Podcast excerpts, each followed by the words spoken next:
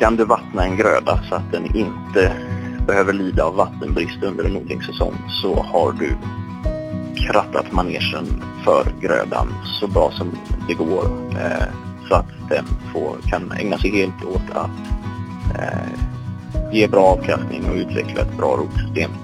Eh, och kan du göra det så minskar du alltså risken för att få eh, något restkväve eh, kvar i marken som skulle kunna läcka ut sen under hösten. Jag heter Karl Andås eh, och jag är markväxtagronomstudent. Eh, så jag läser mitt fjärde år på SLU i Uppsala.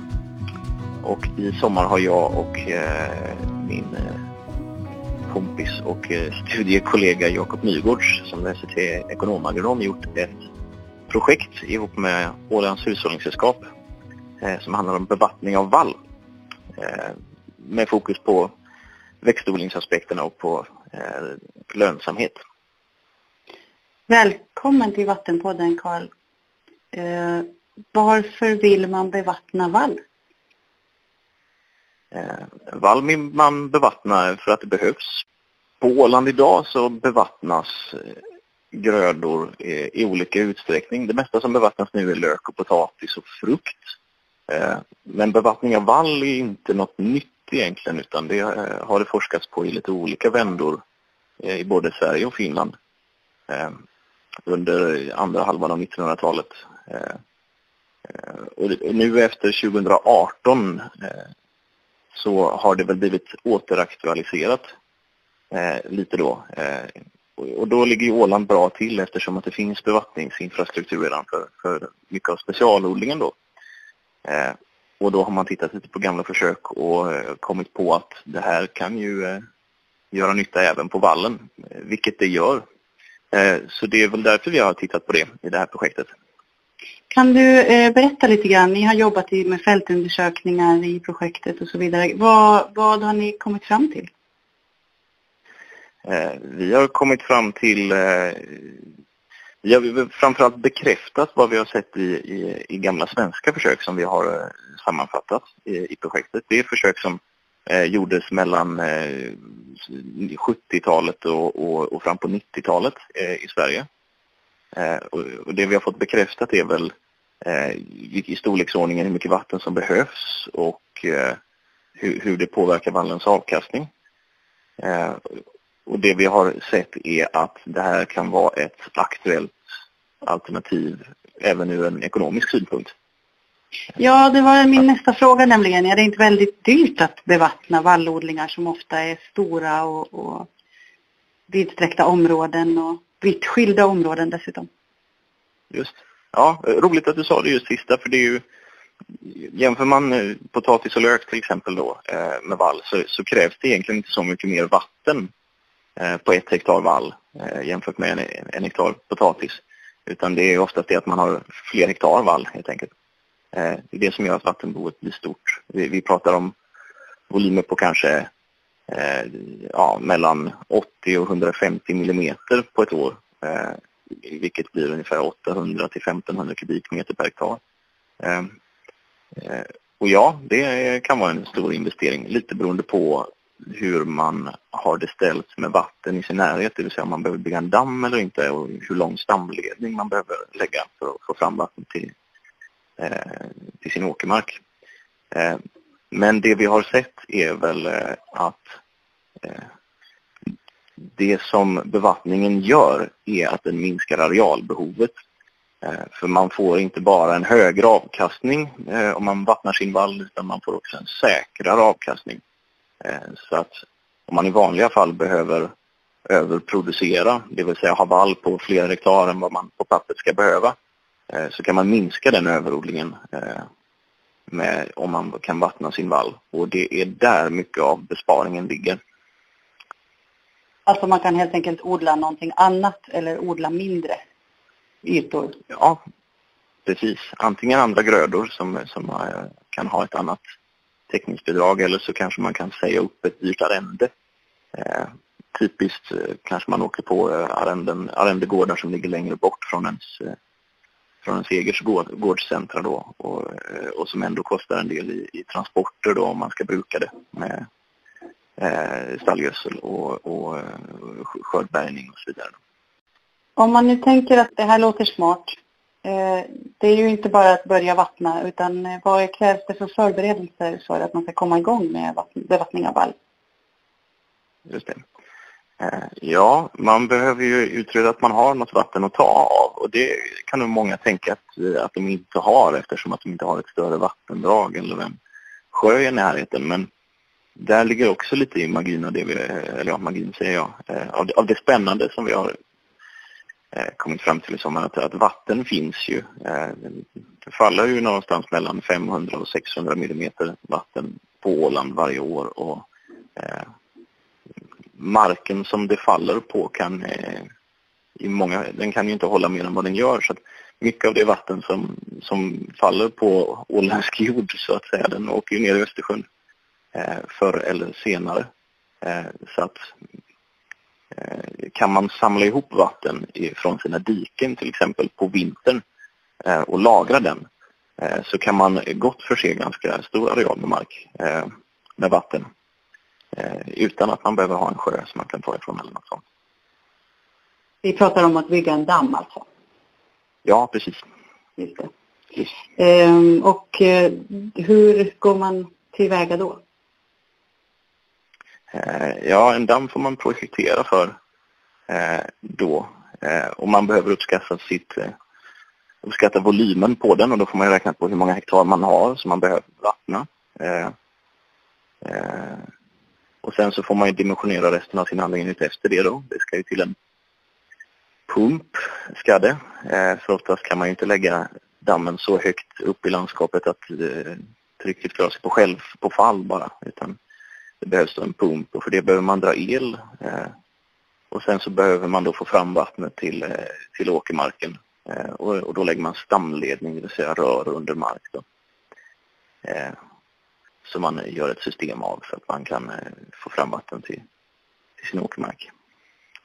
Om man tänker på att man ska börja bevattna sin vall, behöver man också på något sätt tänka på vilken gröda man använder på vallen? Eh, det var ju en intressant fråga. Eh, ja, delvis är väl svaret.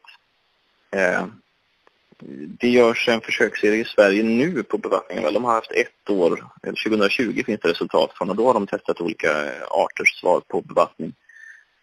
Och det man har sett är väl att i vanliga fall så tänker vi oss att djuprotade arter, rödklöver till exempel, det står sig bra mot torka Eh, eftersom den kan hämta vatten långt nerifrån. Eh, men de arter som verkar gynnas mest av bevattning det är de som tvärtom har ett grunt rotsystem. Eh, vitklöver då skulle kunna vara ett exempel. Många av gräsen har grunda rotsystem också så att det kan man väl tänka sig att man kan, om man i ett annat fall har anpassat sin vall för, för torra förhållanden så, så skulle man ju kunna skippa det. Mm. Just. Det, det, din kollega Jakob Nygårds har väl sysslat med finanserna eller beräkningarna kring ekonomi tänkte jag säga mm. i runt det här projektet. Men kan du säga någonting om eh, hur kan man få lönsamhet av att ändå bygga ett stort bevattningssystem som det här? Finns det några siffror som du vågar nämna? Vallen värderas ju på olika sätt beroende på vilken växtföljd man har, det vill säga vilken alternativ gröda eh, som den ska jämföras med. Eh, har man en mer lönsam gröda som alternativ gröda så blir ju vallen dyrare. Eh, eller då, då, blir ju varje en kilo ensilage blir värt mer då. Eh, blir det. Eh, så att grundkalkylen ser lite annorlunda ut beroende på om du skulle ha träda som alternativ gröda eller spannmål eller, eller något lönsamt som, eller mer lönsamt som potatis eller lök. Då. Eh, för då ser ju kalkylen genast bättre ut om du, om du har potatis eller lök till exempel. Eh, men lägger man då in eh, siffrorna från, från riskminimeringen, det vill säga det jag pratade om tidigare, det här med att eh, man får en säkrare avkastning och kan spara areal, då, eh, eh då blir verkligheten en annan, eh, kort sagt. Då kan man, göra, då kan man bygga en ett bamsig damm utan att eh, behöva fundera vidare på det faktiskt. Så som siffrorna ser ut eh, i det här projektet. Då. Mm. det handlar ganska mycket om att känna sin jord och sina marker förstås då som allt annat när det kommer till jordbruk. Ja, jo det kan man säga absolut. Särskilt om du ska bevattna för då är det högaktuellt om du eh, har en lera som har potentiellt stort vattenförråd eller en lättare jord som har mindre och som kan hålla vatten mindre. Så, absolut. När man pratar om bevattning så, så pratar man nästan alltid om 2018. Eh, vi har ju haft en mm. sommar bakom oss nu som också har varit ganska torr i juli. Eh, Vattenskydd.ax har den här sommaren fått frågor från grannar till odlingar som har undrat om effekten när man vattnar vid 30 graders värme och sol. Hur är det med det här? Ska man vattna på dagen eller på natten eller är det någon skillnad på det här? Eh, det som väl har sagts innan i den här frågan eh, av eh, rådgivare och även på forskarhåll som jag har hört av är väl att vindavdrift är ett generellt sett större problem. Eller som ett, ett, en företeelse som, kan, som eh, riskerar att skapa större förluster än vad direkt avdunstning eh, gör. Eh, i, I samband med det här försöket eh, så har ju vi, eller jag, räknat på hur mycket som avdunstar varje dag eh, utav vattnet eh, för, för, att se när det är dags att bevattna igen då. Eh, och är det mulet eh, och vindstilla en dag så kan det handla om två millimeter kanske eh, om dagen. Och är det riktigt varmt som det var i juli och, och är dessutom blåsigt på det så kan det handla om 7-8 millimeter. Men det här är över ett helt dygn. Är det. Och, och, där är det egentligen mest grödan egentligen som bidrar till att ta upp vattnet eh, till ytan så att det sedan kan avdunsta.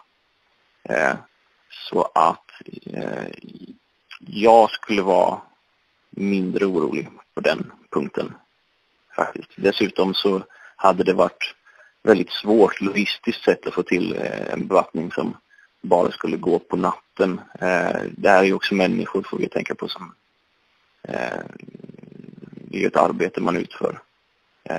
Och ofta är folk ensamma, ensamföretagare i lantbruk.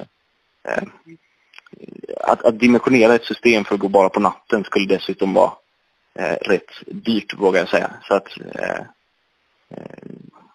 ja, jag, jag, tror att det finns andra ställen att gräva på som, som kan, skulle kunna ge större vinster i, vattenbesparandet faktiskt mm. än att eh, kika på enbart nattbevattning. Vad är det som kan vara fel när man arbetar med bevattning?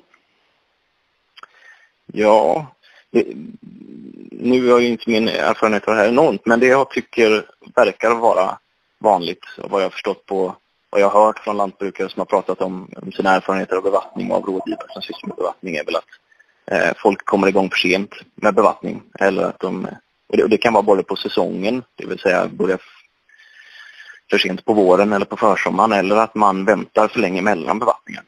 Så att grödan hinner drabbas av torkstress och då får ett, eh, hamnar efter så att säga eh, i sin tillväxt. Eh, så det kan nog vara ett eh, ett problem. Eh, eller att man underskattar hur mycket vatten grödan behöver. Eh, det skulle jag nog säga är det, är det viktigaste kanske. Mm.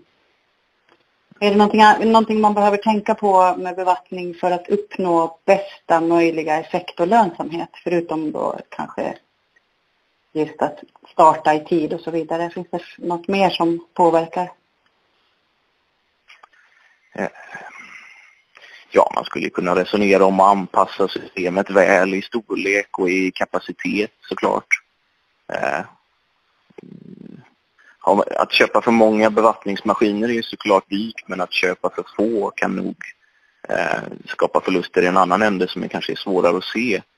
Eh, exempelvis kan man få för bråttom med att flytta maskiner så att det behöver göras så att det krockar med andra arbetsuppgifter som kan vara viktiga. Det till exempel att komma ut och slå. Kommer man ut och slår för sent så, så skördar vallen alltså så eh, kan du få förluster i, i, eh, i, i, kvalitet på foder till exempel som, som indirekt kostar dig pengar till exempel.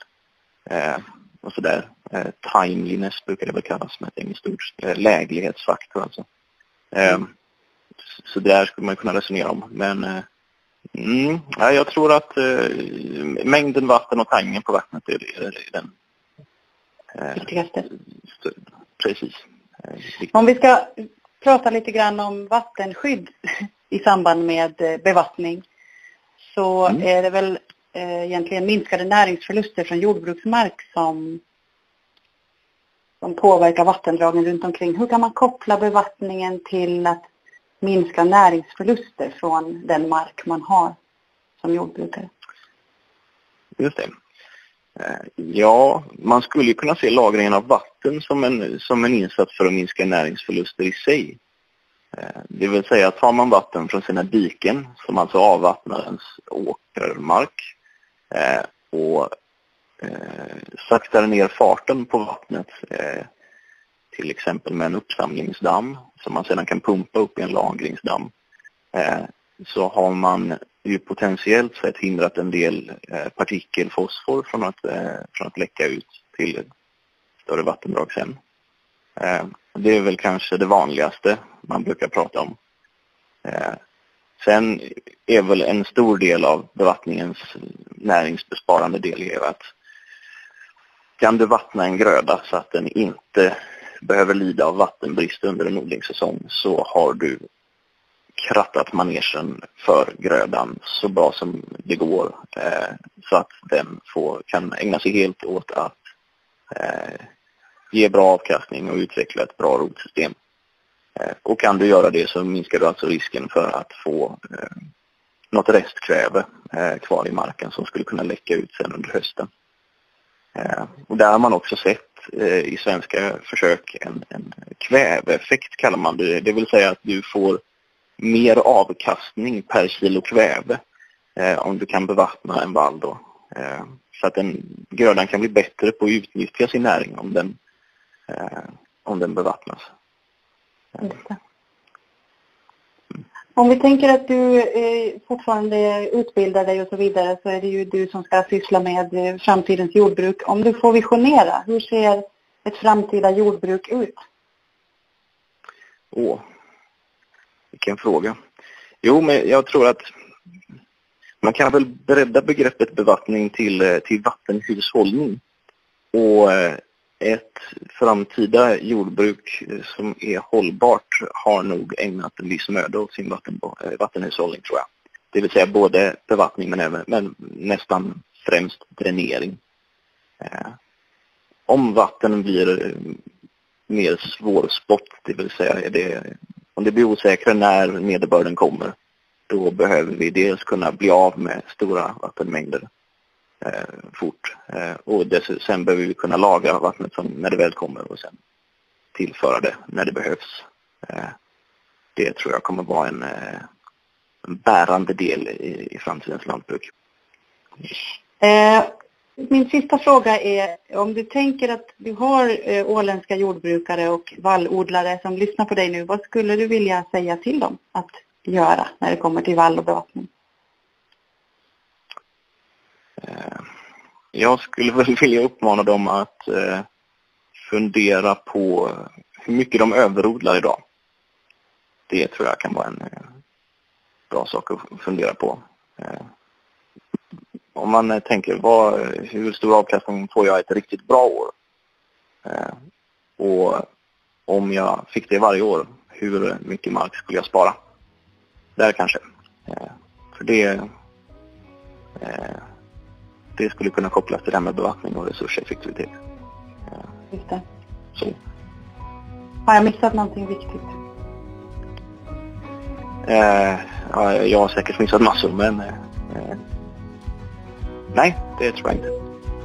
Det får vi inte hoppas. Då får jag säga tack så mycket för att eh, du var med i Vattenpodden, Carl. Och eh, ha det bra. Tack så jättemycket.